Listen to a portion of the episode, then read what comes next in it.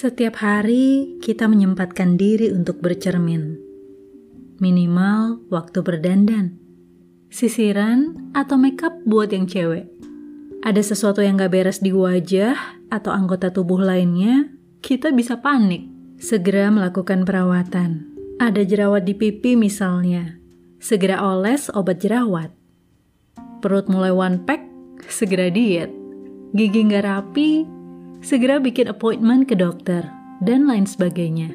Sibuk merawat yang di luar. Padahal, yang di dalam juga butuh dirawat dan dipercantik. Pernah nggak introspeksi apa kabar hati kita hari ini? Bagaimana mental kita? Waktu ada iri, dengki, dan perbuatan jahat lainnya hinggap, adakah kita riwah menghalaunya seperti saat jerawat muncul di pipi?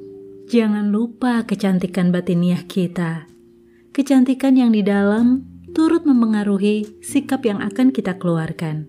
Sebab kecantikan yang dari dalamlah yang akan terpancar keluar.